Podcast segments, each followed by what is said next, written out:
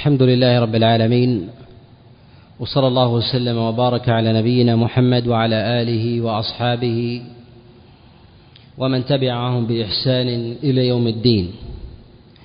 أما بعد فتقدم معنا الكلام على جملة من المسائل المتعلقة بأشراط الساعة ومقدمات مهمة أيضا وذكرنا أيضا من أشراطها علامتين. الثالثة من علامات الساعة من علاماتها انشقاق القمر. لهذا قال الله جل وعلا في كتابه العظيم اقتربت الساعة وانشق القمر.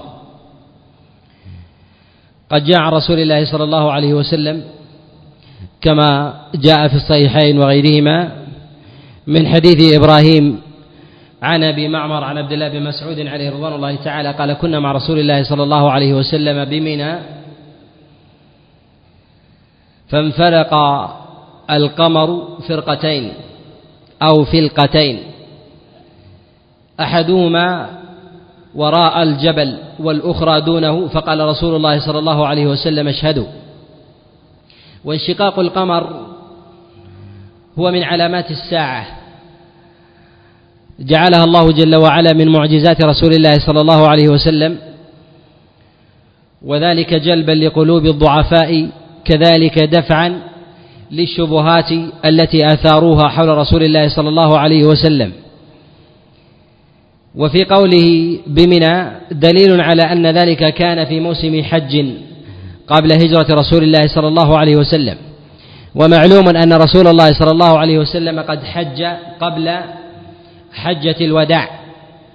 ولكن قد اختلف كم مرة حج هل هي مرة واحدة أم أكثر من ذلك.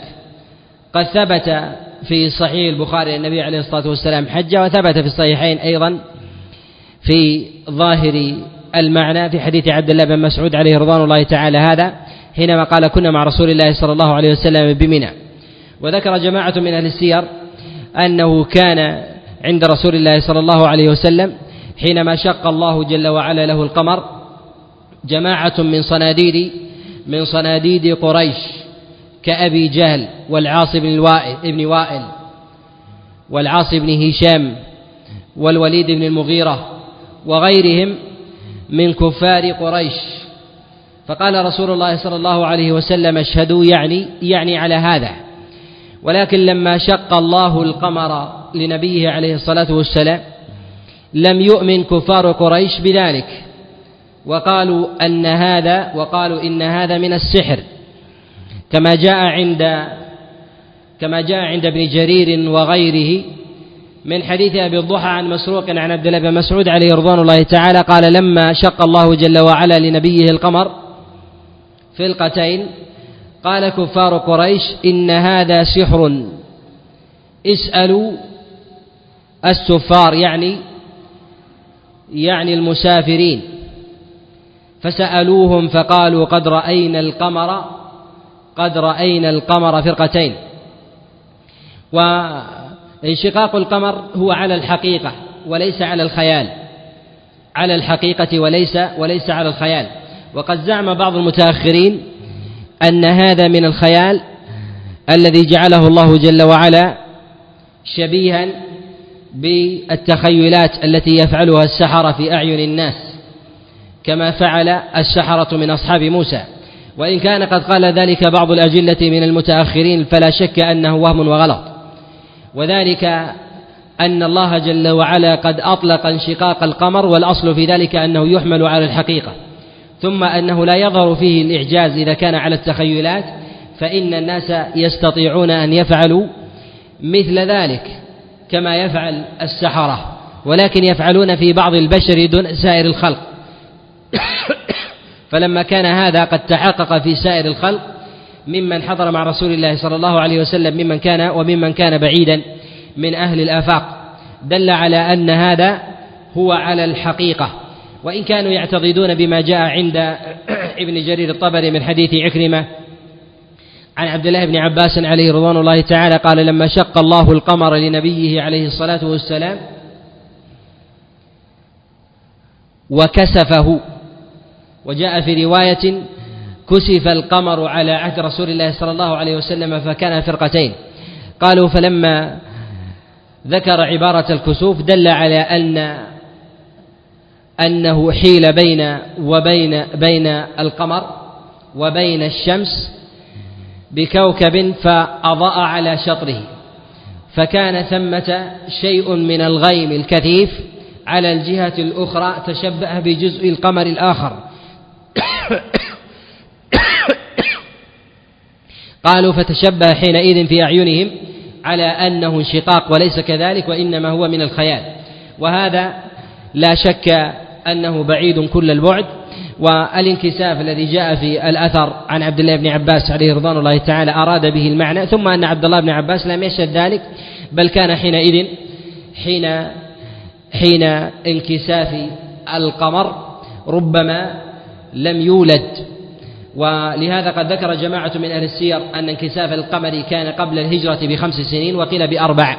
وذلك أنه قد جاء في الصحيح من حديث عائشة عليه رضوان الله تعالى قالت نزل على رسول الله صلى الله عليه وسلم اقتربت الساعة وانشق القمر وأنا جارية ألعب قبل الهجرة. ذكر بعض أهل السير أن هذا قبل الهجرة بأربع وقيل بخمس بخمس سنين والخمس والخمس أقرب. ومعلوم أن عبد الله بن عباس عليه رضوان الله تعالى توفي رسول الله صلى الله عليه وسلم وهو قد نهز الاحتلام يعني قاربه. يكون حينئذ عمره قريب من من الرابعة عشر. وهذا وهذا ثابت كما جاء في البخاري عن عبد الله بن عباس عليه رضوان الله تعالى قال أتيت إلى رسول الله صلى الله عليه وسلم وهو بمنى وهو يصلي إلى غير جدار وأنا غلام قد نهزت الاحتلام على أتان. قال فمررت بين بين يدي بعض الصف وتركت الأتان ترتع والشاهد من هذا أن عبد الله بن عباس عليه رضوان الله تعالى قد ناهز الاحتلام يعني قاربه ولم يحتلم واستدل بهذا البخاري عليه رحمة الله على أن عبد الله بن عباس لم يبلغ حينما ترجم على هذا الخبر بقوله باب متى يصح سماع الصغير يعني يعني روايته. ومعلوم أنه حينئذ لم يبلغ فدل على أنه لم يدرك لم يدرك انشقاق القمر. وهذا وهذا لا يقدم على من شهد ذلك من أصحاب رسول الله صلى الله عليه وسلم كعبد الله بن عباس كعبد الله بن مسعود عليه رضوان الله تعالى ممن كان مع رسول الله صلى الله عليه وسلم بمنى.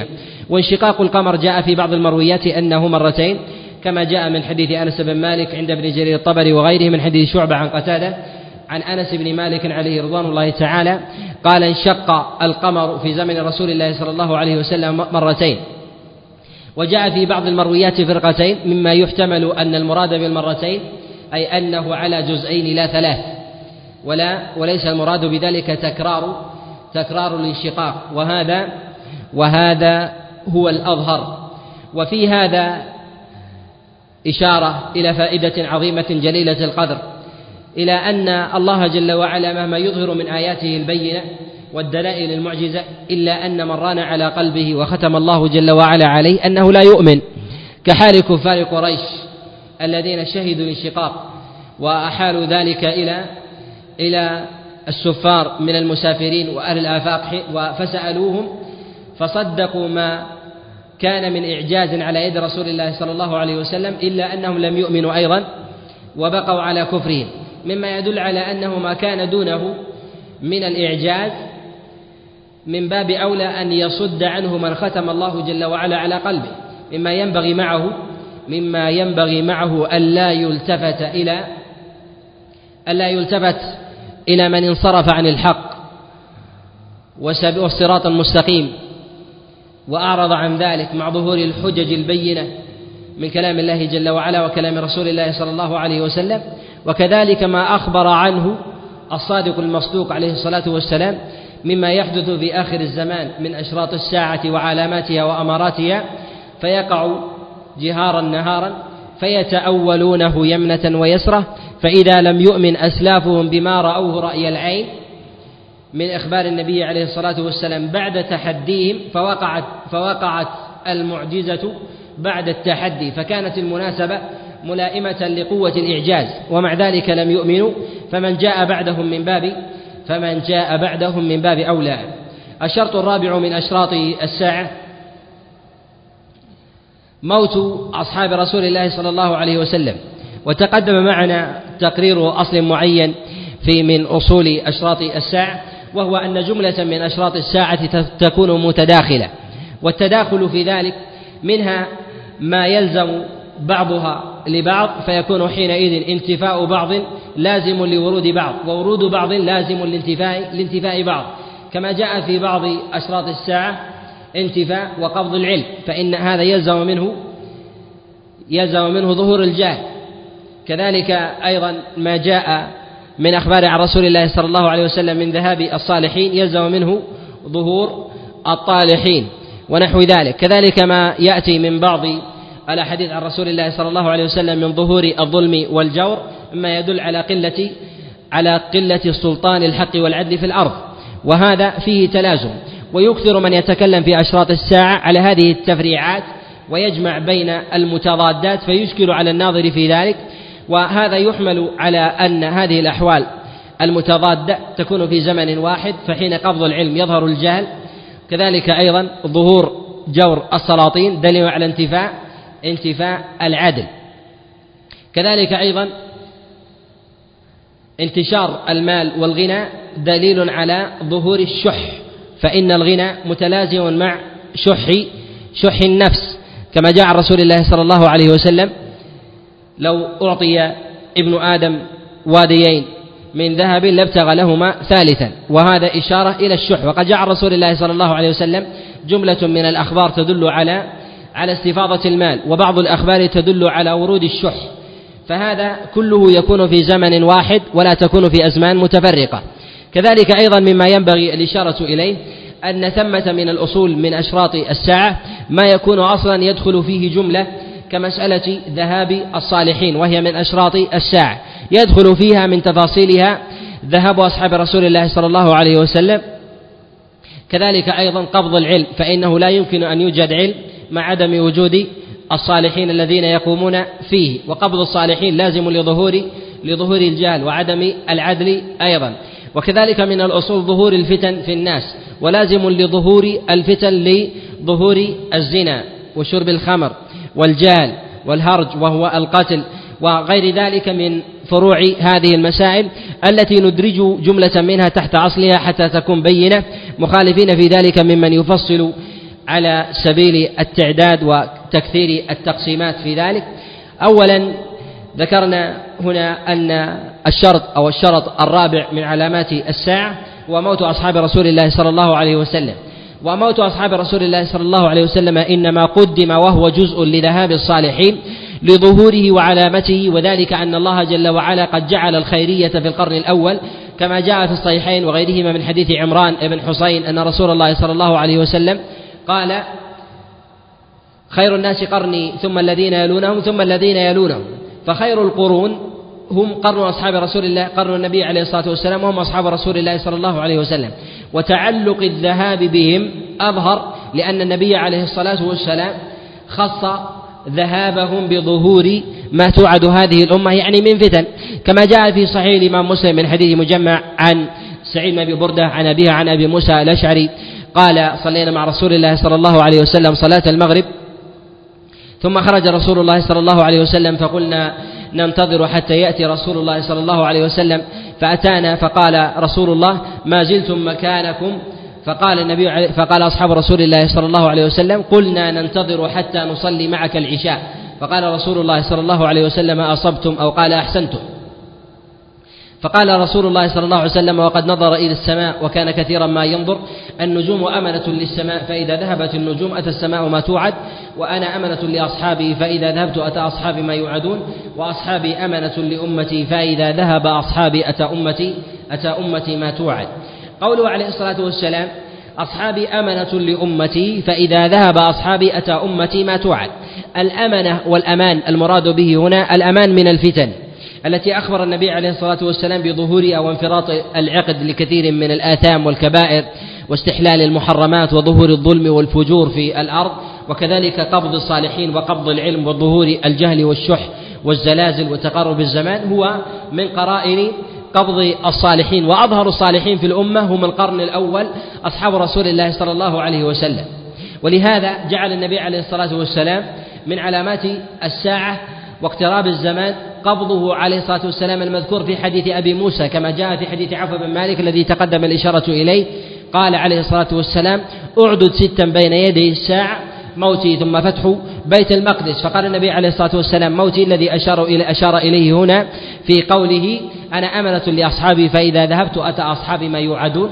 وما يوعدون بالاشتراك هنا مع ما توعد الأمة هي الفتن. فرسول الله صلى الله عليه وسلم لما توفي ظهرت الفتن بعده عليه الصلاة والسلام فاختلف أصحاب رسول الله صلى الله عليه وسلم في النبي عليه الصلاة والسلام هل مات أم لا فمنهم من قال لم يمت كعمر بن الخطاب عليه رضوان الله تعالى فقال قد رفعه الله إليه حتى حاجة من هو أعلى ومنه أبو بكر الصديق عليه رضوان الله تعالى فتلا عليه قول الله جل وعلا إنك ميت وإنهم ميتون وقول الله, وقول الله جل وعلا ومحمد وما محمد إلا رسول قد خلت من قبله الرسل.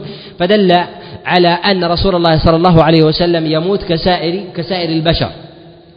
فسلم لذلك وأذعن لسلامة سريرته وقصده الخليفة الراشد عمر بن الخطاب عليه رضوان الله تعالى لما ورد إليه النص بوفاة رسول الله صلى الله عليه وسلم ثم اختلف أصحاب رسول الله صلى الله عليه وسلم بعد ذلك هل يغسل النبي عليه الصلاة والسلام أو لا يغسل وهل يجرد كما يجرد الموتى فانتزع ذلك الخلاف بأبي بكر الصديق ثم ثم أين يدفن رسول الله صلى الله عليه وسلم؟ هل يدفن في المدينة؟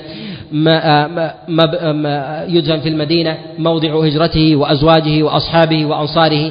أم يدفن بمكة مبعثه وقبلته وكذلك وكذلك ما فتح الله جل وعلا عليه فيها وكذلك هي خير البقاع إلى الله وهل يدفن في المسجد الأقصى وذلك أنه مسراه وصلاته وهي قبلته الأولى وصلاته وصلاته بالأنبياء خلفه كما جاء عن رسول الله صلى الله عليه وسلم مما تقدم مما تقدم الإشارة إليه بإلماحة ويأتي تفصيله بإذن الله. وحسم ذلك بقول أبي بكر الصديق عليه رضوان الله تعالى قال سمعت رسول الله صلى الله عليه وسلم يقول يدفن الأنبياء حيث يقبضون ثم اختلفوا بعد ذلك في إرث رسول الله صلى الله عليه وسلم. كان خلافا متسارعا يلي خلاف يحسم بالدليل. فكان ما أخبر به النبي عليه الصلاة والسلام أتى أمتي ما توعد هو إشارة إلى هذا النوع من الخلاف ثم أصحاب رسول الله صلى الله عليه وسلم. فإذا ذهب أصحابي أتى أمتي ما توعد يعني من ظهور البدع فظهر في أواخر عصر أصحاب رسول الله صلى الله عليه وسلم الفتنة من الخلاف فظهرت الخوارج وظهرت أيضا وظهرت القدرية وظهرت المرجئة ثم انفرط العقد بظهور الطوائف في الإسلام من الاتحادية والحلولية وكذلك المعتزلة وغلاتهم والرافضة بأنواعهم في أواخر عصر أصحاب رسول الله صلى الله عليه وسلم إشارة إلى ما أخبر به النبي عليه الصلاة والسلام فإذا ذهب أصحابي أتى أمتي ما يعدون قوله عليه الصلاة والسلام فإذا ذهب أصحابي إشارة إلى العصر التام أي أنه كلما ذهب جملة منهم ظهر شيء من الفتن فإذا ظهر القرن كامل أتى الأمة ما توعد من من الاقتتال وظهور الجهل ونحو ذلك ويظهر هذا في ما جاء في الصحيح من حديث هشام بن عروة عن أبيه عن عائشة عليه رضوان الله تعالى قالت كان الأعراب إذا جاءوا إلى رسول الله صلى الله عليه وسلم يسألونه عن الساعة فكان رسول الله صلى الله عليه وسلم ينظر إلى أحدث القوم سنا فقال إن يعش هذا ولا يهرم تأتكم ساعتكم أو تأتي الساعة. على خلاف عند العلماء في هذا في هذا المعنى كما تقدم الإشارة إليه. والأصل في ذلك أن القيامة لا تقوم على على الصالحين ولا تقوم وفي الأرض أحد يقول الله الله. فيكون حينئذ كل من على الأرض من أهل الجهالة المتمحضة فلا يبقى حينئذ حق. ولهذا قال رسول الله صلى الله عليه وسلم كما جاء في البخاري من حديث قيس بن أبي حازم عن مرداس الأسلمي قال رسول الله صلى الله عليه وسلم يذهب الصالحون الأول فالأول. فيبقى حثالة أو حفالة من البشر فتقوم عليهم فتقوم عليهم الساعة. وفي رواية عنه عليه الصلاة والسلام في الصحيح وهي الأصل لا يأبه الله لا يأبه الله بهم. وعليهم تقوم الساعة كما جاء في حديث النواس بن سمعان عليه رضوان الله تعالى عند عند الإمام مسلم. وقيام الساعة على شرار الخلق متلازم لذهاب الصالحين. وذهاب الصالحين هو من علامات الساعة وهو وهو من أظهر من أظهر شرائطها. وأظهر ما يزول من الصالحين هم أصحاب رسول الله صلى الله عليه وسلم وقبل ذلك سيد ولد آدم النبي عليه الصلاة والسلام فهو أول علامات الساعة الست التي جاءت في حديث عوف بن مالك عن رسول الله صلى الله عليه وسلم. ذهاب الصالحين من علامات الساعة ولا تقوم الساعة على صالح. ويلزم من هذا وهذا من أشراط الساعة قبض العلم وقبض العلم يكون على التدريج.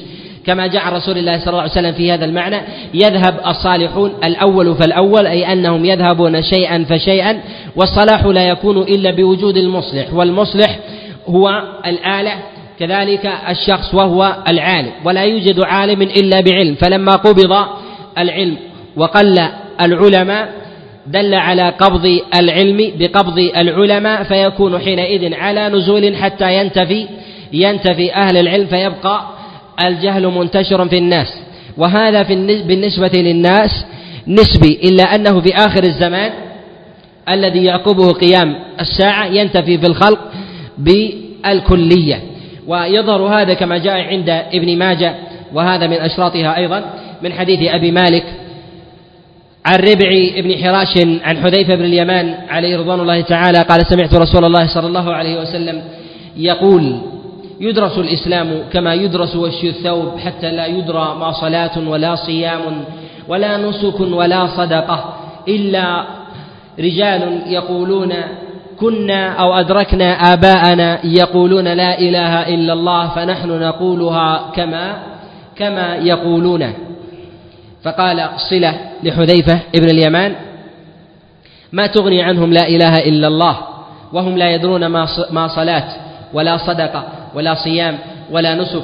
فأعرض عنه مرة فأعاد عليه فلما كان في الثالثة التفت إليه حذيفة وقال تنجيهم من النار تنجيهم من النار لا أبالك. وفيه إشارة إلى أن الإنسان يعذر بجهله فإذا كان من أهل الجهالة في الأصول يعذر في الأصول وتقوم عليه الحجة بحسب بلوغ بلوغ بلوغ الحكم الحكم عليه. والله جل وعلا قد أخذ على نفسه أنه لا يعذب أحدا حتى يبعث إليه رسولا وما كنا معذبين حتى نبعث نبعث رسولا. وهذا ظاهر في قول الله جل وعلا لرسوله عليه الصلاة والسلام وإن أحد من المشركين استجارك فأجره حتى يسمع كلام الله. والسماع المراد به هنا هو بلوغ الحجة لا فهمها. فإن الإنسان قد لا يفهم الحجة أو يكون من المعاندين فالإحالة إلى شيء لا يمكن أن يدرك لا يمكن أن يتقرر في الشرع. ولهذا رسول الله صلى الله عليه وسلم قد قاتل المشركين لمجرد الإسماع على وجه يفهمونه لو أراد. وأما مسألة الإفهام فإنه لا يتعلق بها لا يتعلق بها حكم شرعي. وذلك أن الإفهام متعلق بالقلب والقلب مرده إلى الله. ولهذا قال رسول الله صلى الله عليه وسلم كما في الصحيح إن الله لا ينظر إلى صوركم ولا إلى أعمالكم ولكن ينظر إلى قلوبكم. فالنظر إلى إلى القلوب هو من خصوصيات الله جل وعلا والظواهر هي إلى العباد. فلما تبلغ الحجة الناس حينئذ يلزمون بالاتباع وإن اعتذروا بعدم الفهم لا يعتبر بذلك. إذا كان قد بلغتهم الحجة على وجه يفهمونها يفهمونها لو أرادوا. وقبض العلم. قد جاء مفسرا عن رسول الله صلى الله عليه وسلم كما جاء في الصحيح من حديث مالك عن هشام بن عروة عن أبيه عن عبد الله ابن عمرو قال سمعت رسول الله صلى الله عليه وسلم يقول إن الله لا يقبض العلم انتزاعا ينتزعه من صدور العباد ولكن يقبض العلم بقبض العلماء حتى إذا لم يبق عالما اتخذ الناس رؤوسا جهالا فسئلوا فأفتوا بغير علم فضلوا وأضلوا. قوله عليه الصلاة والسلام إن الله لا يقبض العلم انتزاعا ينتزعه من صدور العباد. قوله إن الله لا يقبض العلم قبض العلم أضيف إلى الله وتصدير الجهال أضيف وتصدير الجهال أضيف إلى الناس. حتى إذا لم يبق عالما اتخذ الناس رؤوسا جهالا ومعلوم أن الله جل وعلا هو المقدر لذلك كله. ولكن المراد في المسألة الأولى أن الله يقبض العلم لحكمة زائدة عن الشأن القدري وهو انتشار الجهل في الناس وأن يصدر الناس الجهال. ولهذا يؤخذ فائدة أن العالم يصدر نفسه بين الناس لا يصدره الجهال وعلماء السوء يصدرهم الناس. وهذا ظاهر في قوله عليه الصلاة والسلام اتخذ الناس رؤوسا جهالا. أما العلماء فالله جل وعلا هو الذي يتخذهم ويلزم من ظهور الجهل قبض العلم ومن قبض العلم ظهور الجهل ومن انتفاء الجهل ظهور العلم وكلها متلازمة تكون بين زمن إلى زمن تظهر وتخبو حتى حتى تزول يتأرجح ذلك بحسب بحسب وجود العلم والخيرية في الناس والخيرية المراد بها هنا هي وجود العلم كما قال رسول الله صلى الله عليه وسلم. كما جاء في البخاري من يريد الله به خيرا يفقهه يفقهه في الدين. الخيرية المراد بها هنا هي الفقه في الدين. يلزم من هذا أن الشر إذا جاء في بعض الأدلة في آخر الزمان في وصف الناس بالشرار أو وصف الزمن بالشر. المراد به انتفاء الفقه الفقه في الدين. وبه يعلم أن ما جاء في ما جاء في بعض النصوص من انتشار القراء وكثرتهم وقلة الفقهاء أن وجود القراءة في الناس قراءة القرآن وضبطه وحفظه لا يلزم منها علما. وقد جاء في بعض الأخبار عن رسول الله صلى الله عليه وسلم قال يكثر قراؤكم ويقل فقهاؤكم. إشارة إلى أن القراءة وحدها من مواضع الضلال في الأمة إذا لم يكن ثمة ثمة فقه. ويظهر هذا عن رسول الله صلى الله عليه وسلم في معنى آخر وهو ظهور القلم وفشو الكتابة. قد جاء عن رسول الله صلى الله عليه وسلم كما عند الإمام أحمد في كتابه في كتابه المسند وكذلك قد رواه البخاري في كتابه الأدب. من حديث سيار أبي الحكم عن طارق بن شهاب عن عبد الله قال سمعت رسول الله صلى الله عليه وسلم قال يظهر القلم في آخر الزمان. ظهور القلم مع انتفاء العلم وظهور الجهل دليل على أن المراد بالقلم هو انتشار الكتابة والقراءة. والقراءة والكتابة لا تعني لا تعني علما. وليس كل من حمل القلم وحمل الكتابة يكون عالما. ولهذا جاء في بعض الأخبار عن رسول الله صلى الله عليه وسلم قال يلتمس الكاتب في البلد فلا يوجد إلا إلا الواحد مع وجود مع وجود القلم. فيه إشارة إلى إلى معاني. المعنى الأول إشارة إلى الظنية في انتشار العلم وأن العلم يبتغى به التجارة فلا يوجد شخص يتبرع بكتابة إلا إلا الواحد والاثنين. وهذا إشارة إلى ما ظهر في الأعصار المتأخرة أن العلم وتعليم الكتابة والقراءة لا يكون إلا برواتب يدفعها الطلاب للمعلمين وما يسمى الآن بالمدارس وكذلك البرامج التعليمية وغير ذلك فتعدى ذلك إلى إلى ما هو أبعد من القلم والكتابة إلى سائر سائر العلوم.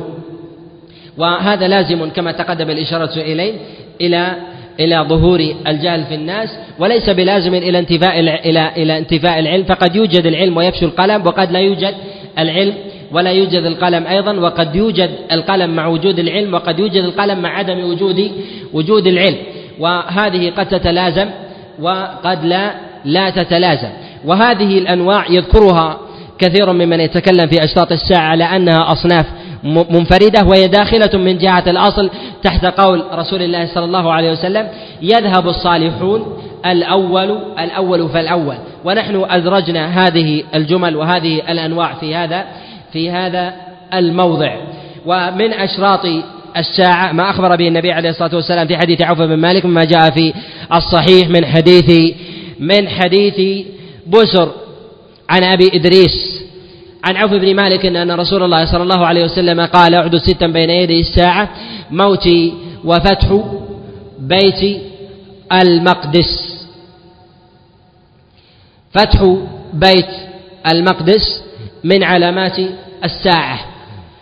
وقد جاء هذا عن رسول الله صلى الله عليه وسلم في أحاديث في أحاديث أخر. وهذا من أصح ما جاء فيه. وقوله عليه الصلاة والسلام ثم فتح بيت المقدس ثم هنا تدل على الترتيب الزمني. وقد تدل على الترتيب الذكري في لغة العرب. ويستدلون لهذا بقول الشاعر قل لمن ساد ثم ساد أبوه ثم ساد قبل ذلك ثم ساد قبل ذلك جده. وتأتي على ترتيب الزمن على الأشهر على الأشهر والأكثر كما هنا. ولهذا قال عليه الصلاة والسلام أعدد ستا بين يدي الساعة موتي ثم فتح بيت المقدس. فتح بيت المقدس فتحه عمر بن الخطاب عليه رضوان الله تعالى في عام ستة عشر من الهجرة.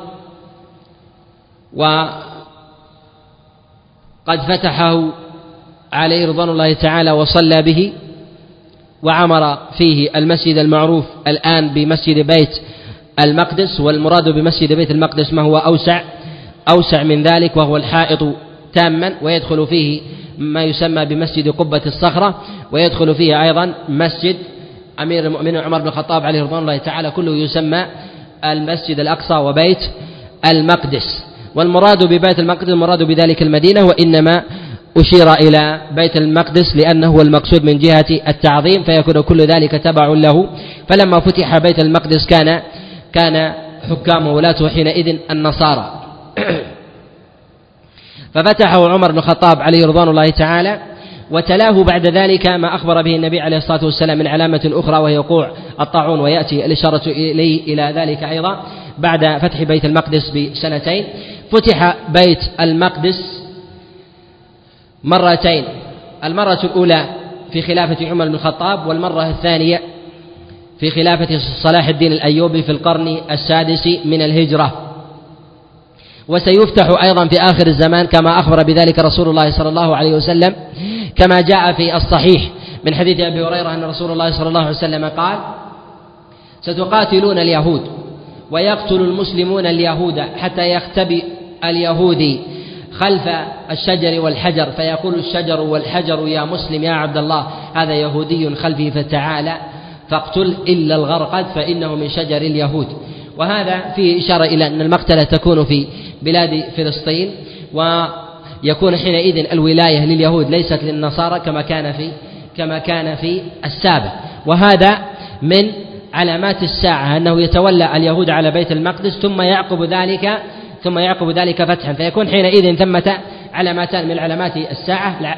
في هذا الموضع العلامة الأولى أن يتولى أمر بيت المقدس اليهود وقد حدث هذا ويليه بعد ذلك ويليه بعد ذلك الفتح على أيدي المسلمين وهو الفتح الذي الذي لا يعقبه لا يعقبه ولاية على بيت المقدس إلا الشرار.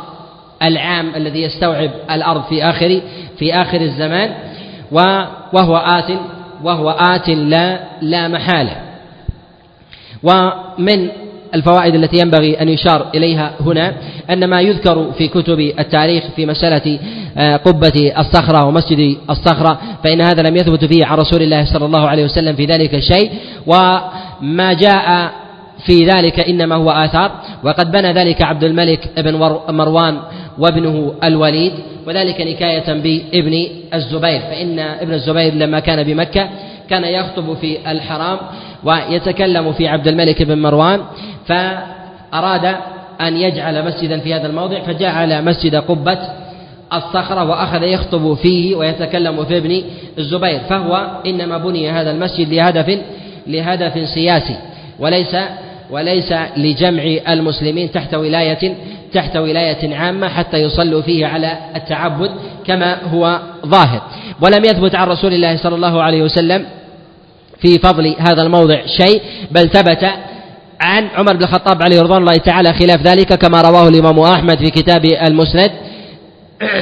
من حديث عبيد بن آدم عن أبي سنان وأبي مريم عن عمر بن الخطاب عليه رضوان الله تعالى أنه لما فتح بيت المقدس وكان بالجابية قال لكعب الأحبار أين أين تراني أصلي؟ فقال صلي واجعل أمامك الصخرة فيكون البيت كله أمامك. فقال قد ضاهيت قد ضاهيت اليهود أو ضارعت اليهود. فتقدم عمر بن الخطاب عليه رضوان الله تعالى فصلى صلى أمام الصخرة. وفيه إشارة إلى أن هذه الصخرة هي معظمة عند اليهود وهم يعظمونها وبقي من بقاياها ما كان اعتقادا عند كعب الأحبار. وكان يهوديا أسلم وبقي على وبقي من بقايا علم يهود لديه هذا المعنى فجرى على الإنسان فيما يظهر من غير من غير قصد. وفي إشارة من قول عمر عليه رضوان الله تعالى هنا ضارعت اليهود أو شابهت اليهود إلى أن هذا ليس من شريعة الإسلام وطرأ عليه جملة من المسائل منها ما وضعه المتأخرون من جملة الكتابات والرسوم على الحجرة وضع رسم قدم أن هذا قدم النبي عليه الصلاة والسلام لما أسري به وكل هذا من الخرافات. وقد جاء في ذلك خبر قد جاء في الطبراني وغيره عن رسول الله صلى الله عليه وسلم من حديث عمر الأسلمي النبي عليه الصلاة والسلام. قال تمر العجوة والصخرة من الجنة.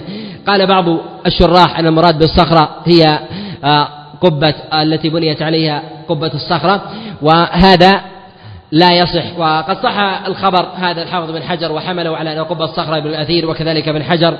ولا يثبت عن أحد من العلماء من السالفين ممن سبقهم في هذا المعنى أحد. وقد يحمل على أن المراد بالصخرة هنا هي الحجر.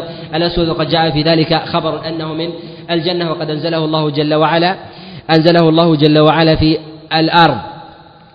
والخبر قد أعله غير واحد من غير واحد من الحفاظ وليس هذا موضع الكلام عليه وتقدم الكلام عليه في غير في غير هذا الموضع.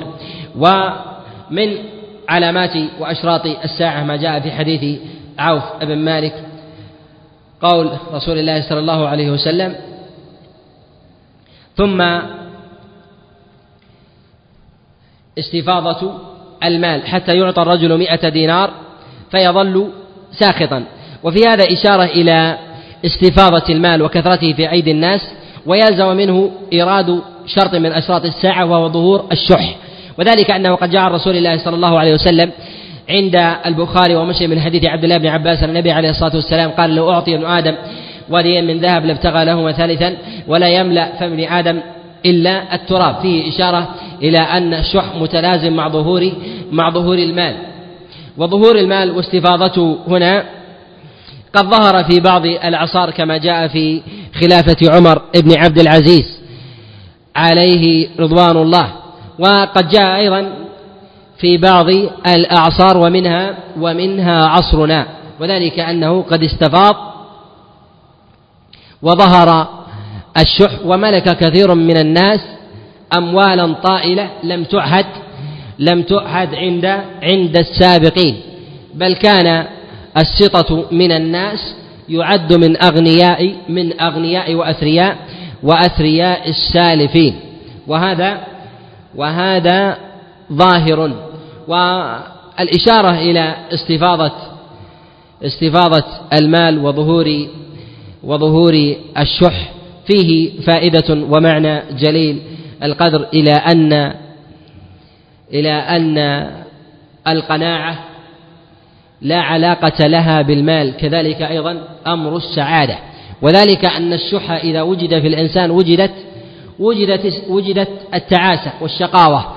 وإذا وجدت القناعة ولا توجد مع المال وجدت حينئذ حينئذ السعادة. والغالب في من يستفيض عنده عنده المال أنه لا يكون من أهل السعادة وإنما يكون من أهل من أهل الشح.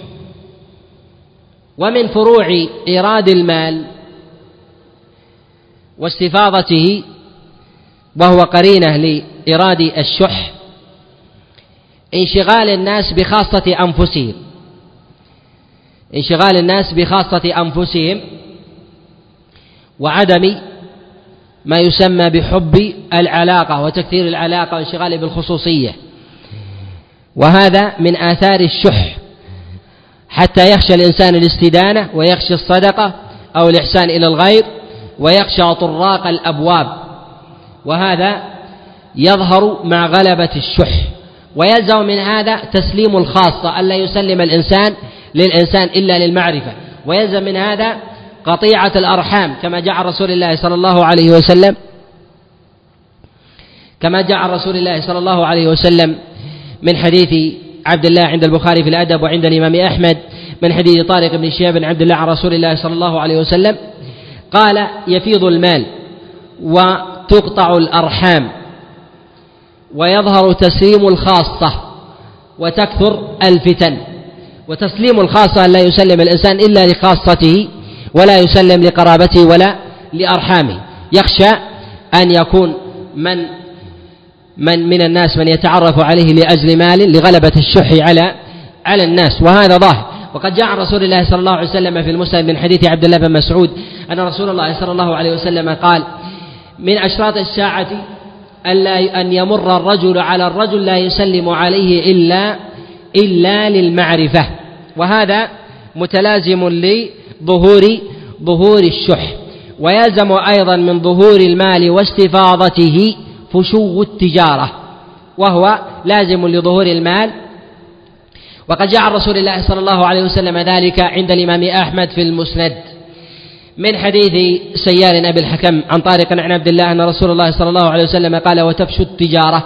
وقد جاء في الصحيح حتى تعين وقد جاء في السنن والمسند حتى تعين تعين المرأة زوجها على التجارة يعني لكثرة وتشعب تجارته حتى أن المرأة تنشغل مع زوجها بتسيير أمور أمور تجارته وهذا يدل على استفاضة المال وكثرة تجارة التجارة عند عند الناس. وفي هذا إشارة إلى أن استفاضة المال لعلة ورود التجارة ليس لغير هذه العلة. وقد ترد غير هذه العلة من مما يظهر في آخر الزمان من, السرقات أو الإقطاعات أو الاختلاسات.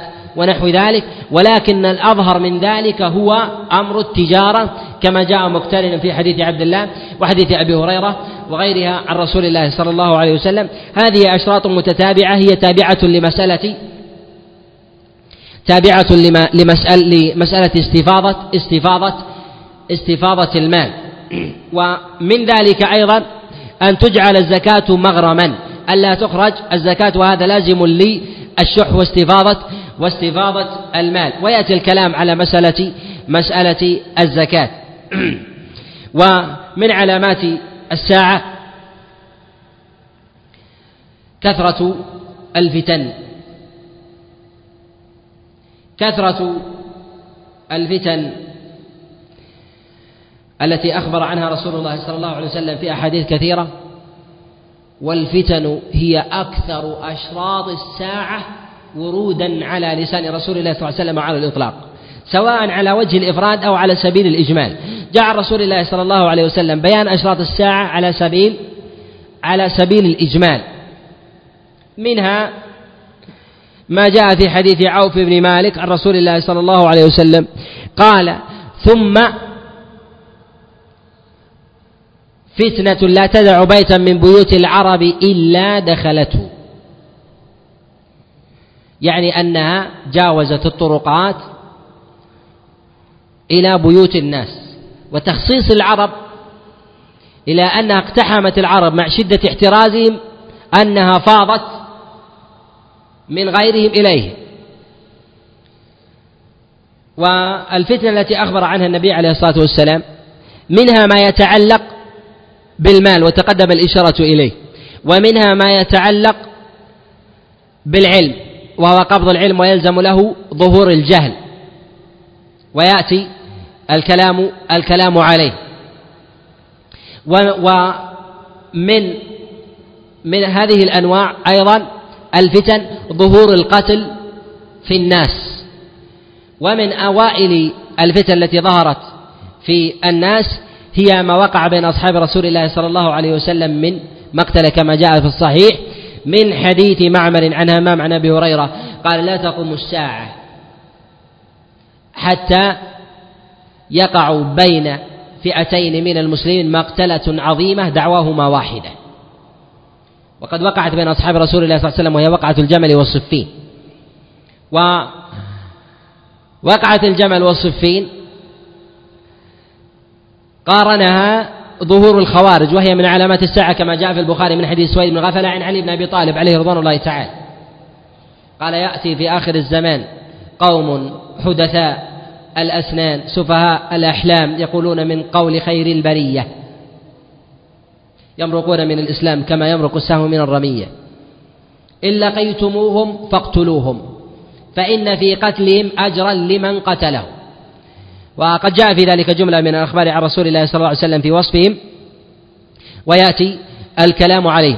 الفتن التي جاءت عن رسول الله صلى الله عليه وسلم في التحذير منها ما يتعلق في العلم منها ما يتعلق في العلماء واضطراب العلماء في الفتوى وعدم اتزانهم حتى يخضع العامة لقولهم في يوم فينتكسون عنه في اليوم الآخر.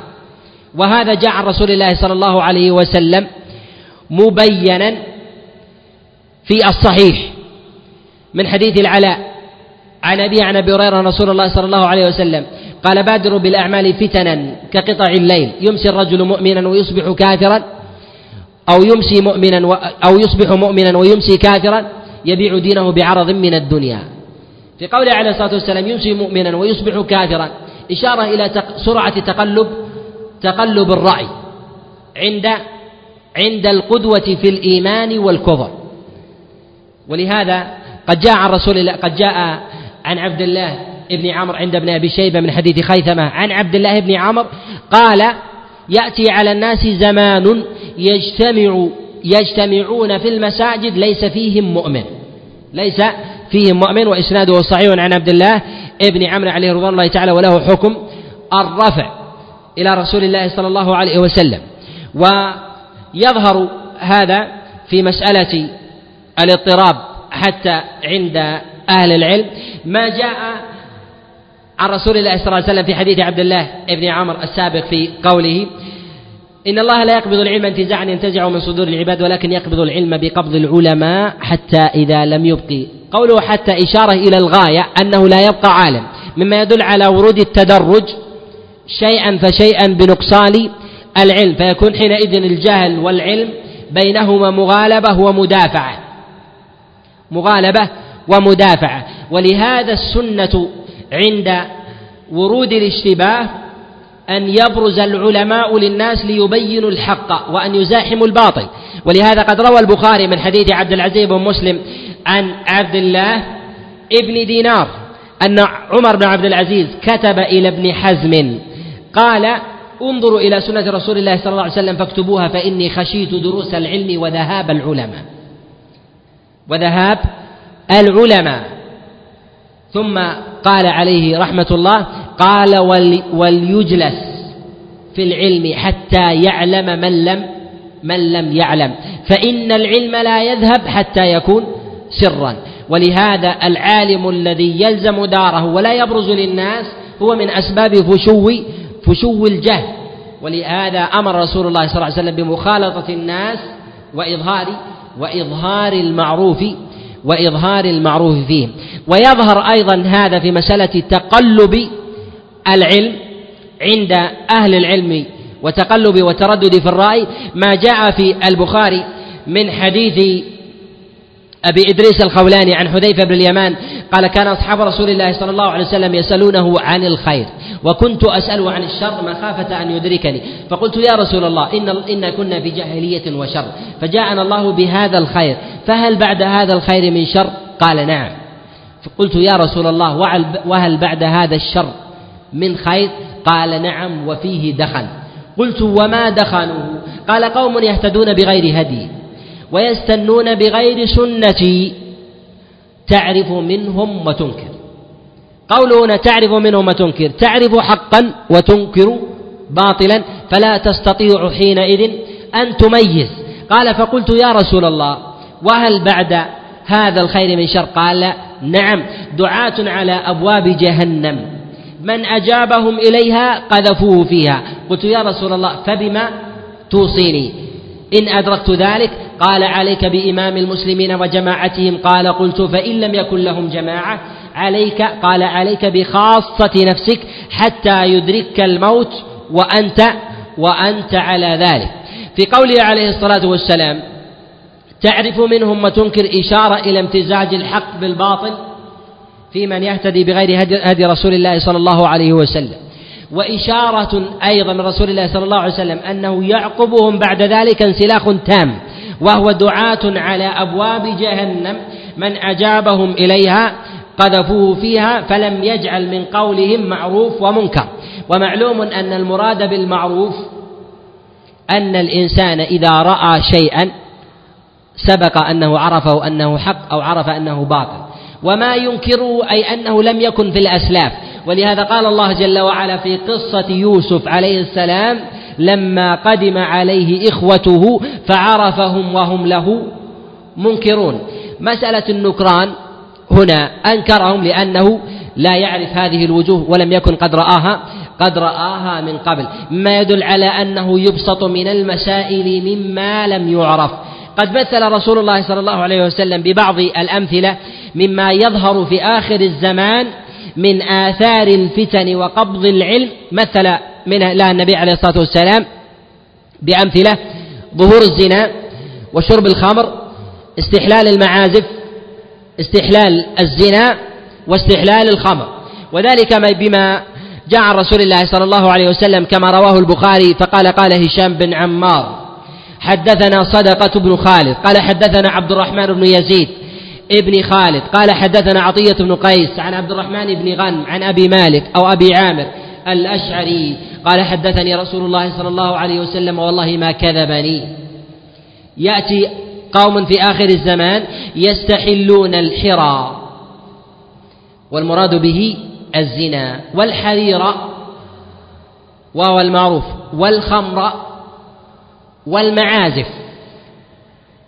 ما جاء في هذا الخبر وهو خبر صحيح. قد جاء وصله عن رسول الله صلى الله عليه وسلم عند أبي ذر وهو راوية البخاري من حديث الحسين بن سفيان عن هشام وجاء عند الطبراني من حديث محمد بن يزيد بن عبد الصمد عن هشام بن عمار به في كتابه مسند الشاميين وجاء عند البخاري أيضا في كتابه المعجم الكبير من غير هذا الوجه من حديث جعفر بن محمد وموسى عن هشام بن عمار عن صدقة بن خالد به وقد جاء من غير هذا الوجه عند أبي نعيم من حديث عبدان والباغندي عن هشام عن صدقة بن خالد به وقد جاء عند أبي داود من غير هذا الوجه قد جاء من حديث بشر بن بكر عن عبد الرحمن بن يزيد ابن خالد عن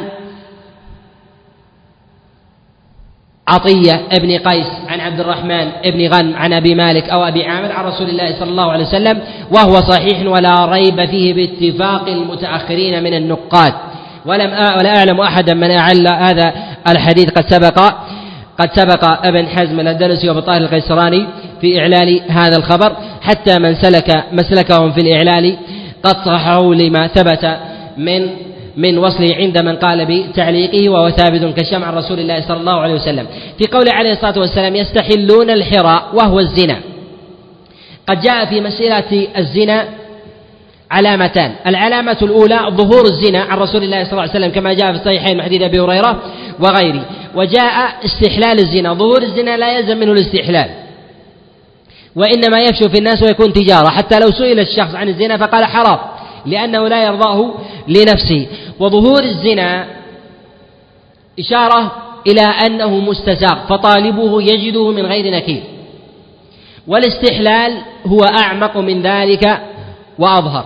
وقد ظهرت أولى هاتين أولى ما أخبر به النبي عليه الصلاة والسلام في حديث أبي مالك بن عامر الأشعري وهو استحلال المعازف. وقد جاء هذا في لسان في لسان بعض أهل العلم في زماننا. في استحلال المعازف. والمراد بالمعازف هي الملاهي.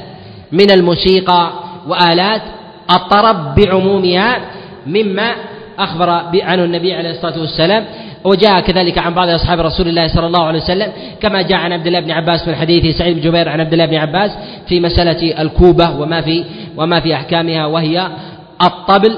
وجاء أيضا من حديث نافع عن عبد الله بن عمر في مسألة المزمار وغيره. وجاء في كلام جملة من العامة ممن ينتسب للإسلام فأصبح تشريعا في بعض الدول الإسلامية الزنا إباحة الزنا. فأصبح القانون في أكثر الدول الإسلامية أن الرجل إذا وقع على امرأة برضاها من غير عقد أن ذلك جائز. أما المرأة فلا يجوز لها ويمنع الرجل أن يطأ غير زوجته بحرام في فراشه وعيش الزوجية. يعتبر هذا خيانة. أما في غير ذلك فهو جائز. وهذا مطبق في سائر بلاد الشام كلها وفي بعض دول دول الخليج. وفي بعض دول الخليج أن إذا كان تراضي بين الطرفين لا يعد جرما ولو جيء بأربعة بأربعة شهداء. وهذا ما أخبر عنه النبي عليه الصلاة والسلام. فزاد هذا عن مسألة ظهور الزنا إلى ظهور الزنا إلى مسألة ما يسمى ب ما يسمى بالاستحلال. وجاء مسألة في بيان الظهور ظهور الزنا في بعض في بعض الأحاديث عن رسول الله صلى الله عليه وسلم وهو أن الرجل يزني بالمرأة على قارعة الطريق. على قارعة الطريق يفترشها. جاء هذا في المسند وعند أبي يعلى والطبراني وغيره من حديث أبي سعيد. وجاء في صحيح الإمام مسلم من حديث عبد الرحمن ابن جبير عن أبي عن نواس بن سمعان أن رسول الله صلى الله عليه وسلم قال ثم يبعث الله ريحا من تحت آباطهم فتأخذ أرواح المؤمنين ثم يموجون فيتسافدون كما تتسافد الحمر. والمراد بذلك أنهم يقع الرجل على المرأة كحال الحمر علانية كحال الحمير علانية. هذا يكون بعد قبض أرواح المؤمنين. وجاء في بعض الأحاديث عن رسول الله صلى الله عليه وسلم أن الرجل يفترش المرأة في قارعة الطريق فيكون خيرهم من يقول لو استترت عن الناس. يكون خير الناس من يقول له لو استترت عن أعين الناس. وهذا تفسير لبعض ما يذكره العلماء في أشراط الساعة مما هو داخل في أبواب في أبواب الفتن وقبض العلم وقبض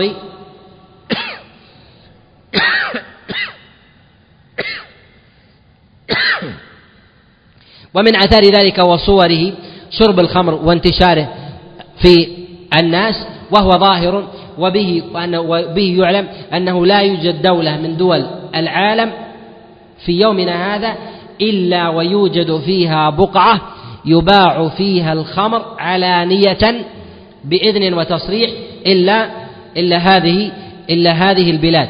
حتى استوعب ذلك حاليا الآن جميع دول الخليج والتي لا يوجد في سوقها يوجد في المطار فيما يسمى بالسوق الحرة يباع علانية. وهذا مصداق لما أخبر به النبي عليه الصلاة والسلام من الاستحلال وما أخبر به النبي عليه الصلاة والسلام من شرب شرب الخمر. وفي هذا أيضا يشار إلى جملة من المسائل من أشراط الساعة ما يدخل في فروعها أنه إذا استبيحت هذه الكبائر الظاهرة التي الفطرة تنبذها كمسألة الزنا مما يدل على أن ورود الفروع مما هو دونها على وجه الاستحلال من باب من باب أولى من استحلال حلق اللحى واستحلال الإسبال واستحلال جملة من من فروع الدين أو جعل بعض الشرائع لا علاقة لها بالدين. هذا يكون حينئذ من باب من باب أولى. يعلم به تسليما أن ما نبذته الفطرة عقلا ونبذه الدين نصا استحل وظهر في الناس فلما لا يستحل ما هو؟ ما هو؟ دونه من علامات دونه من من أمارات الشريعة وعلاماتها. ولهذا نسمع بين فينة وأخرى أن هذا ليس من الدين أو أنه ليس بواجب ويخفف من واجب إلى مستحب ثم إلى أنه لا علاقة له بالشريعة. ويجب أن يعلم أن الإقرار بوجود هذا الأمر شريعة وجوب التزامه مع مخالفته أهون عند الله جل وعلا بمراحل. ممن يستحل الحرام يسول للنفس الوقوع. ويظن كثير من العامة أنه إذا سول لنفسه أن هذا الأمر مباح أن هذا يرخص له من الإثم. وكأنه يريد أن يقدم إعذار الناس له أنه يرى هذا الأمر جائز عن عقاب الله جل وعلا وبه يعلم أن هذا من وسائل الثبات لأهل الحق واليقين الذين يقفون على حدود الله جل وعلا ونصوصه فيستبصرون بمواضع الحق فإذا رأوا رجلا أو عالما قد استحل ما حرم الله بذريعة من الذرائع أن يعلموا أن هذا من علامات الساعة التي أخبر بها النبي عليه الصلاة والسلام إما صراحة وإما وإما ضمنا وهذا وهذا ظاهر. ومن ومن علامات الساعة التي تقدم الإشارة إليها وأحلنا إلى نتكلم عليها وهي مسألة موتان يأخذ فيكم كقعاص الغنم. وجاء هذا في حديث عوف بن مالك عليه رضوان الله تعالى وهو الطاعون. والمراد بموتان إشارة إلى المبالغة من موت وهو الموت الذي يفتك في الناس وقد وقع الطاعون يسمى طاعون عمواس وهو في بيت المقدس بجوار المسجد الأقصى عام في عام في العام الثامن عشر من الهجرة وقتل فيه جم ومات فيه جماعة من أصحاب رسول الله صلى الله عليه وسلم وخياره. مات فيه معاذ بن جبل ومات فيه أبو عبيدة والفضل بن عباس وجماعة من أصحاب رسول الله صلى الله عليه وسلم وقيل أنه مات في ذلك في ذلك الطاعون أكثر من خمس وعشرين ألف رجل وامرأة. وهذا عدد كبير جدا قل أن يحدث أن يحدث في أن يحدث في التاريخ. وحينما عقبه النبي عليه الصلاة والسلام بمسألة في مسألة آه، الطاعون بعد فتح المقدس إشارة إلى أن هذا يعقب فتح بيت المقدس. من الصور التي ينبغي أن تلحق في مسألة الفتنة التي أخبر بها النبي عليه الصلاة والسلام في مواضع عديدة وتقدم الإشارة إلى أن أظهر أشراط الساعة على لسان النبي عليه الصلاة والسلام ورودا هو الفتنة على وجه العموم. والفتنة في لغة العرب هي الفتن في لغة العرب هي جمع فتنة وهي ما يظهر منها ابتلاء واختبار وتمييز للناس وتشق الصفوف وتشق الصفوف إلى يمين ويسار أو إلى أكثر من من طائفة.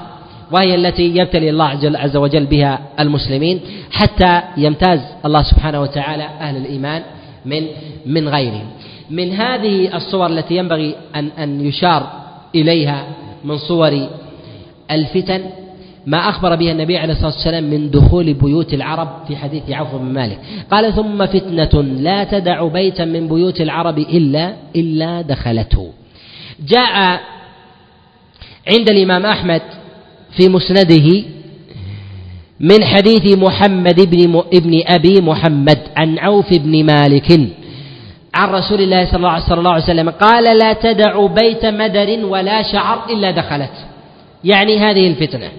تدخل حتى بيوت الشعب جاء عند ابن أبي شيبة في كتابه المصنف من حديث منصور عن شقيق عن حذيفة قال ليوشكن أن يصب عليكم الشر من السماء حتى لا يدع بيتا إلا دخله حتى الفيافي. قال وما الفيافي؟ قال الأرض القفر يعني البوادي. هذا يظهر لي والله أعلم المراد بذلك هو الإعلام وهو البث وهو البث الفضائي سواء قنوات أو الإذاعات أو غيرها. يفسره ما جاء عند الإمام مسلم في كتابه الصحيح من حديث عروة عن أسامة قال صعد رسول الله صلى الله عليه وسلم أطام من أطاما من آطام المدينة فقال أترون ما أرى؟ كأني أرى مواقع الفتن في بيوتكم كمواضع القطر يعني المطر. إشارة إلى إلى إلى أنها تصيب كل كل موضع. ولهذا يجري على ألسنة الناس مسألة أن القنوات هي تبث وتمطر على الناس ويستطيع الإنسان أن يأتي بها سواء في بيوت الشعر أو غيره. القرائن التي تدل على هذا عدة. منها ما جاء في الرواية في مسند الإمام أحمد لا تدع بيت شعر ولا مدر إلا دخلت. هذه واحدة. الثانية ما جاء في الموقوف على حذيفة بن اليمان عليه رضوان الله تعالى قال حتى الفيافي قال الأرض القفر. ولهذا تجد أنت حينما تذهب إلى البادية تجد أن أهل القرى وأرباب البوادي ورعاء الشاء والإبل لديهم صحون فضائية. صحون فضائية يستقبلون ولو كانوا في صحراء قاحلة لو رفع أحدهم صوته ما سمعه أحد. فيستقبلون البث الفضائل ومن القرائن أيضا ما أشار إليه رسول الله صلى الله عليه وسلم بقوله ك ك كمواضع القطر أي أنها تأتي في كل موضع وهذا ما يستطيع أن يأتي به الإنسان من البث الذي يدرك الإنسان في وسائل الإعلام من القنوات أو الإنترنت أو أو كذلك أيضا الإذاعة من آه، آه، البث وغير ذلك. ولا يظهر لي أن أن هذا ما يذكره آه، بعض المعاصرين من بعض الفتن أو استحباب بعض المحرمات كمسألة الصور ونحو ذلك لأنها لا تشبه ب لا تشبه بالقطر والقطر هو الأليق أن يحمل عليه هو ما يسمى ما يسمى بالبث ومن علامات الساعة ظهور الخوارج. وظهور الخوارج. قد جاء رسول الله صلى الله عليه وسلم في البخاري من حديث سويد بن غفل عن علي بن أبي طالب وقد تقدم الإشارة الإشارة إليه. وفيه دليل على جواز المبادرة بقتال الخوارج من غير أن يبادروا بقتل ولهذا قال رسول الله صلى الله عليه وسلم وفي قتلهم أجر لمن قتلهم. قال شيخ الإسلام تيمية عليه رحمة الله وأجمع العلماء على مشروعية قتالهم. وأما الواحد منهم إذا ظهر هل يبادر بقتله ولو لم يقاتل أم لا؟ اختلف العلماء في هذا وهما روايتان في مذهب الإمام أحمد والصواب في ذلك أنه يبادر بقتله يبادر بقتله وهذا الذي رجحه جماعة من العلماء كابن قدامة وابن تيمية وغيره وغيره من وغيره من العلماء. ومن علامات الساعة تقارب. الزمان. تقارب الزمان أي أنه يقرب فيخرج عن المعتاد. إما على وجه الحقيقة وإما على المعنى. وهذا قد جاء عن رسول الله صلى الله عليه وسلم في الصحيحين وغيرهما من حديث أبي هريرة. قد جاء من حديث أبي الزناد عن العرج عن أبي هريرة وجاء من حديث سعيد عن أبي هريرة. قال عليه الصلاة والسلام من أشراط الساعة أن يتقارب الزمان. أو قال لا تقوم الساعة حتى يتقارب الزمان. يتقارب الزمان. قد جاء تفسيره عند الإمام مسلم عليه رحمة الله في صحيح من حديث سهيل بن أبي صالح عن أبيه عن أبي هريرة قال رسول الله صلى الله عليه وسلم لا تقوم الساعة حتى يتقارب الزمان. فتكون السنة كالشهر والشهر كالجمعة والجمعة كاليوم واليوم كالساعة والساعة كالسعفة من كاحتراق السعفة من النخل. يعني أنها تمضي تمضي بسرعة. وهذا معناه قد يؤخذ من أن الساعة كاشتعال السعفة. هذا المعنى كاشتعال السعفة أي أنها سرعة بالمضي. قد يحمل على معاني. من هذه المعاني رغد العيش. وقوة تلذذ الناس بالنعيم حتى تمضي هذه الأيام والأعوام لا يشعرون بها بخلاف أيام الشقاء والبؤس. فإن اليوم يطول. وأما أيام الرخاء فإنها تمضي بسرعة. وهذا قد أشار إلى هذا المعنى جماعة من العلماء كالخطاب وغيره. وقال بعض العلماء تقرب الزمان أي أنهم يختلطون فيتقاربون في الجهل والعلم. يكون على السواء في هذا في هذا الباب. والذي يظهر والله أعلم أن المراد بتقارب الزمان معاني منها أن يتقارب من جهة المعنى من جهة الاستمتاع واللذة فتمضي الساعة بسرعة وهذا مشاهد لدى الناس لكثرة النعيم والإغداق في العيش. ومن هذه المعاني أن يتقارب الزمان من جهة المسافة فالإنسان بدل أن يقضي في ذهابه إلى مكة أسابيع وأشهر يرتحل فإنه يأخذها بساعات أو أقل أو أقل من ذلك بالسفر. وهذا نوع من تقارب تقارب الزمان. حينئذ يحمل عليه معنى وهو أن يتقارب البعيد فتقرب المسافة وهذا من المعاني. وقد يكون المعنى على الحقيقة.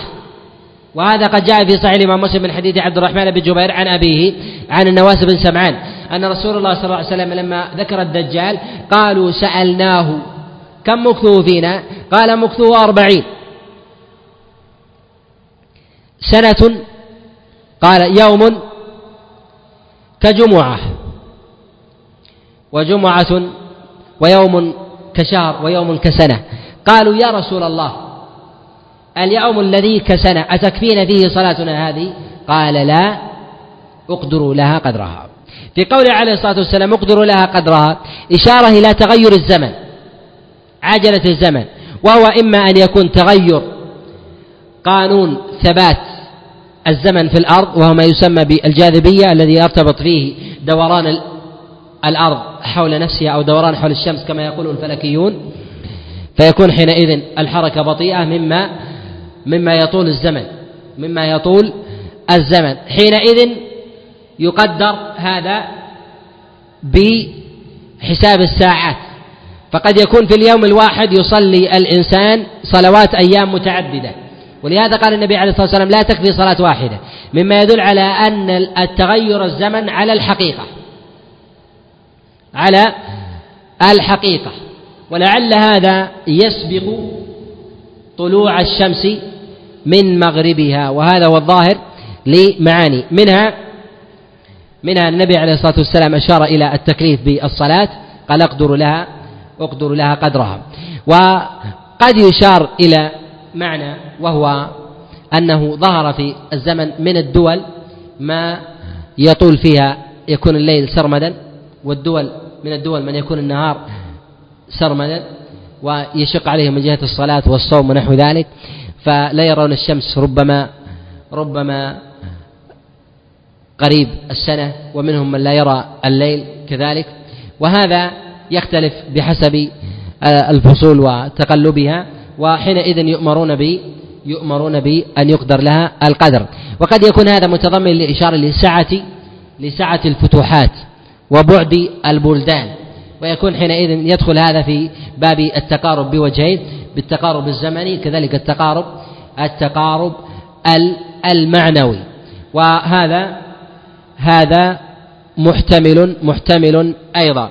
ومن أشراط الساعة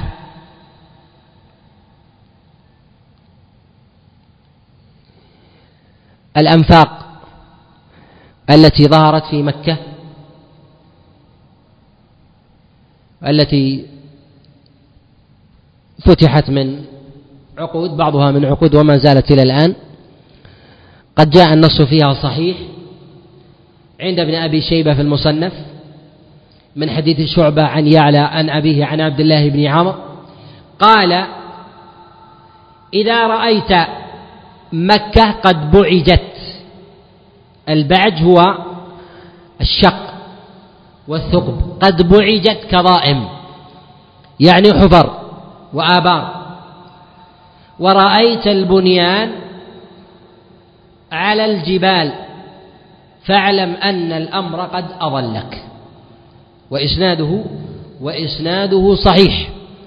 وهذا وإن كان موقوفا فله حكم الرفع وله حكم الرفع. الأنفاق ظهرت في قوله قد بعجت كظائم. يعني أنفاق كما فسره غير واحد من من أئمة اللغة وظاهر في تفسير كلمة بعج. والكظائم هي الآبار والحفر ولهذا لا يخلو لا تخلو جهة من جهة مكة من نفق يمر معه الناس ذهابا ذهابا وإيابا. ومن علامات المقترن في هذا علو البنيان وهي الناطحات التي بنيت في مكة والبنيان الذي كان على الجبال. كما هنا قال وإذا رأيت البناء على الجبال فاعلم أن الأمر قد أضلك يعني قد قربت قربت الساعة. وأضل الإنسان الشيء أدركه. كالإنسان يستظل تحت شجرة أي أدركته الشجرة. واستظل بداره قد دخل قد دخل قد دخل فيها. وقد يكون من أشراطها أيضا هدم الكعبة وتجديد البنيان. هدم الكعبة وتجديد البنيان. جاء هذا عند ابن أبي شيبة في المصنف من حديث شعبة عن يعلى عن أبيه عن عبد الله بن عمر. قال كيف بكم؟ إذا هدمتم الكعبة حجرا حجرا. قال ونحن على الإسلام قال وأنتم على الإسلام فتعيدونها على خير ما كانت.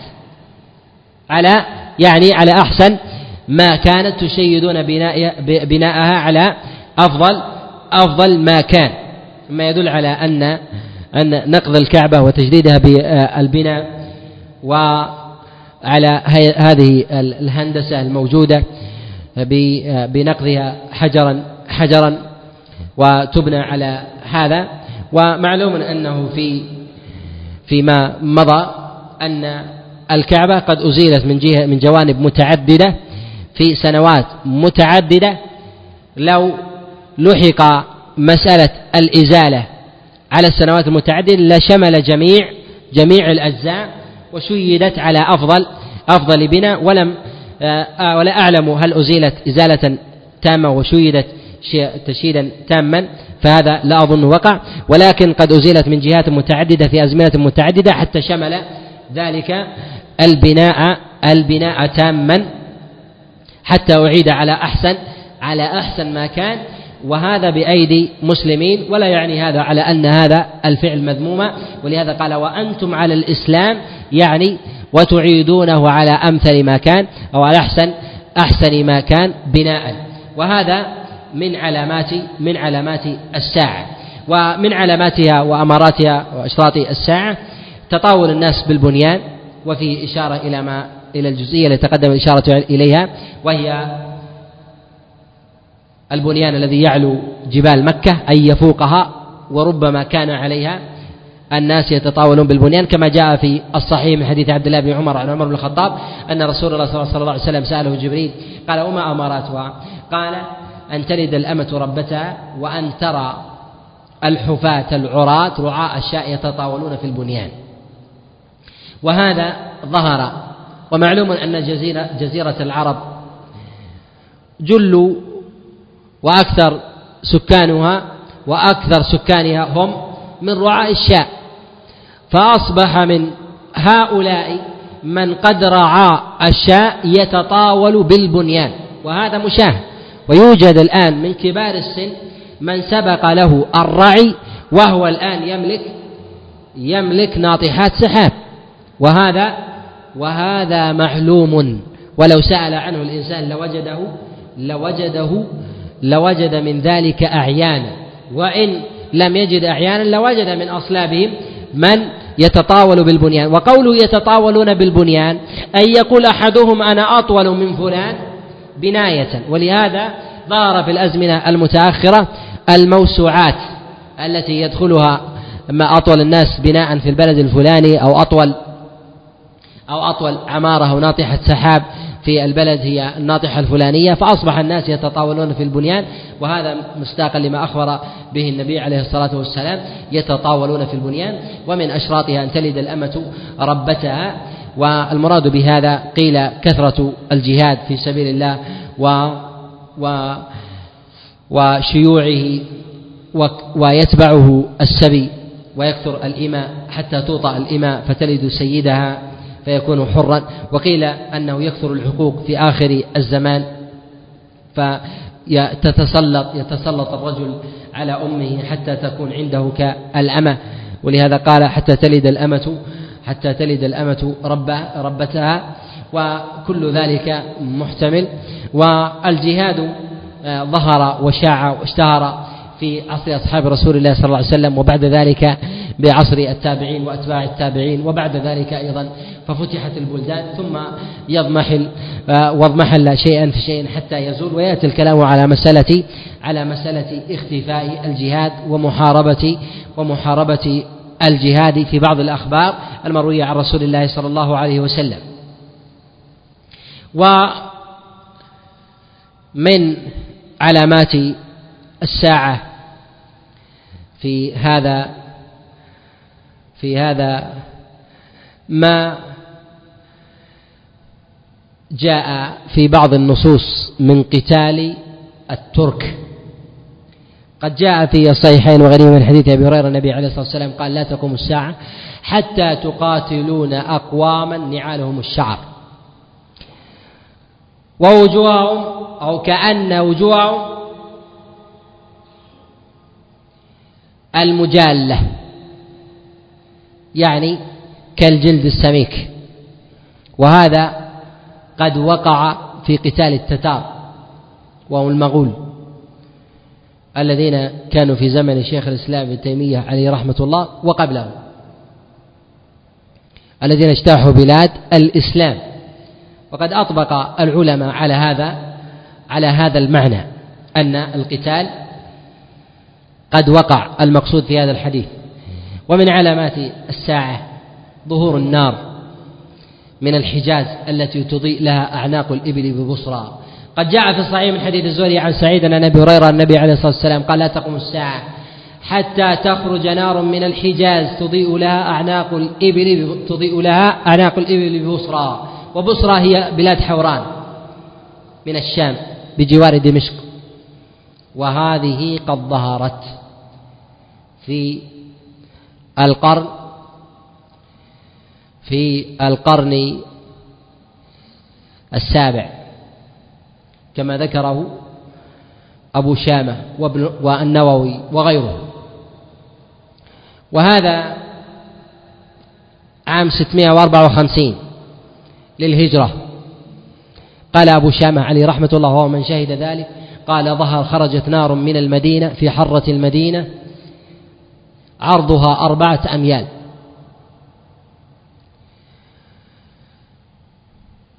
ترى من مسيرة شهر.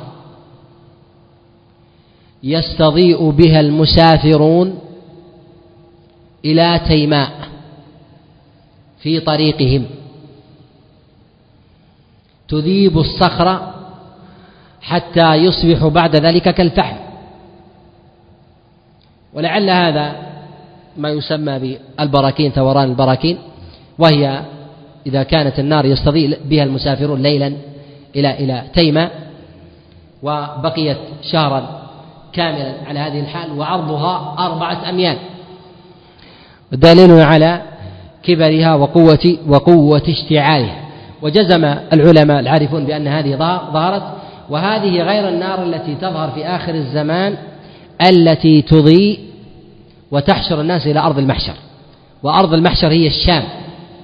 ولهذا قال الله جل وعلا في كتابه العظيم لأول الحشر وهي أرض الشام كما جاء مفسرا عن غير واحد كعبد الله بن عباس عليه رضوان الله تعالى وعكرمة وغيرهم وقتادة. وقال به جماعة من المحققين كشيخ الإسلام ابن تيمية عليه رحمة الله. قد روى الإمام مسلم في الصحيح من حديث عبد الله بن طاووس عن أبيه عن أبي هريرة عليه رضوان الله تعالى قال رسول الله صلى الله عليه وسلم يحشر الناس ثلاث طرائق رغبة ورهبة. رجلان على بعير وثلاثة على بعير وأربعة على بعير وعشرة على بعير. ثم تحشرهم نار إلى أرض المحشر. تصبح معهم حيث يصبحون وتقيل معهم حيث يقيلون وتمسي معهم حيث يمسون وتبيت معهم حيث يبيتون. ما يدل على أن النار تتبعهم شيئا فشيئا فيذهبون رغبة ورهبة. حتى يدل أن منهم من يسارع يريد المسارعة أن عشرة يكون على بعير واحد. يريدون بذلك الوصول إلى أرض إلى أرض المحشر وهي وهي بلاد بلاد الشام. فهذه النار هي تختلف عن عن النار الأولى. بهذا القدر نكتفي ونرجع ما تبقى إلى المجلس القادم بإذن الله تعالى.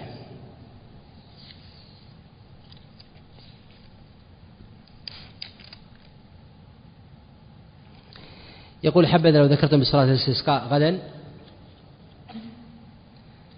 يقول هناك من يتكلم على صلاح الدين الأيوبي ويشنعون عليه ويقولون آه إنه أشعري. أولا عقيدته أشعرية مما لا ريب في ذلك. لكن من الجهل أن ينظر إلى هذا الباب ولا ينظر أن صلاح الدين الأيوبي عليه رحمة الله نشر الأشعرية على أنقاض الفاطمية الوثنية الذين هم في عداد الزنادقة فأقام هذه على أنقاض تلك. ولا شك أنهم أقرب إلى الحق وأقل خطأ وباطلا بكثير من من الفاطميين والعبيديين وهذا ينبغي أن ينظر إليه. وهم في دائرة الإسلام بالاتفاق. في دائرة الإسلام بالاتفاق. ويكفيه منقبة في ذلك أن فتح الله جل وعلا علي على يديه بيت المقدس. ومن أراد أن ينظر إلى حال رجل فلينظر, فلينظر لها من جوانب متعددة. ومن أراد أن ينقد شخصا فلينقده من جهة سابقة أمره وآخرته. كذلك أيضا إذا نقده فلينظر إلى خليفته لو لم يكن موجودا. فلا شك أن خليفة صلاح الدين لو لم يكن موجودا هم الزنادقة. من العبيديين وغيرهم. ولهذا أزال دولتهم ونشر الإسلام مع ما هم فيه من خطأ في أبواب الأسماء والصفات وشيء من من مسائل الإيمان.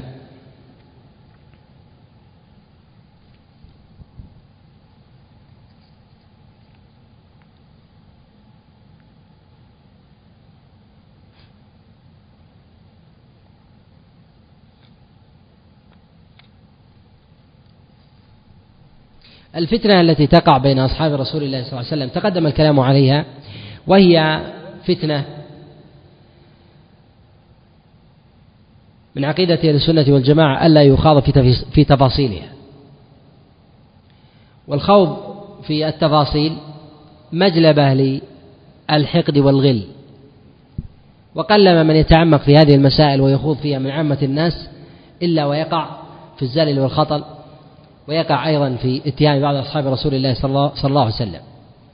وإن كان يندرج فيها بعض العلامات التي تكلم عليها رسول الله صلى الله عليه وسلم منها نباح كلاب الحوأب على عائشة. وقد جاء هذا في المسند والسنن وعند الطبراني وغيره من حديث قيس بن أبي حازم. عن عائشة عليه رضوان الله تعالى النبي عليه الصلاة والسلام قال لها كيف بإحداكن؟ يعني أمهات المؤمنين إذا نبحت عليها كلاب الحواب قالت عائشة يا رسول الله وما الذي يذهبنا أو يذهب بنا إلى إلى الحوأب؟ فقال النبي عليه الصلاة والسلام ما أظنه إلا أنت ما أظنه إلا أنت. فلما وقعت الفتنة في زمن رسول الله صلى الله في زمن في زمن أواخر الخلفاء الراشدين في خلافة علي بن أبي طالب عليه رضوان الله تعالى لما وقعت الفتنة بعد مقتل عثمان أتوا إلى عائشة عليه رضوان الله تعالى قال أصلحي بين أصحاب رسول الله صلى الله عليه وسلم فإنهم قد اقتتلوا.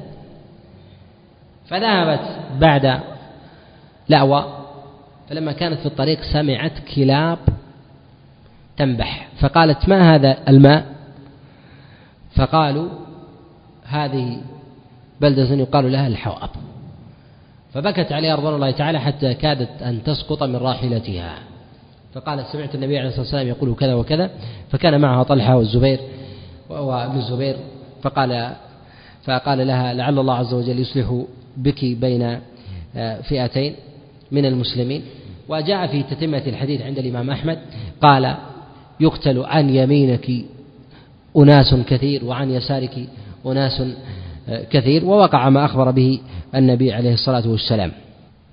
يقول إذا جاء في بعض الأحاديث يكون في آخر الزمان فلا هذا من علامات الساعة. نعم من علامات من علامات الساعة. في هذا القدر كفاية وصلى الله وسلم وبارك على نبينا محمد.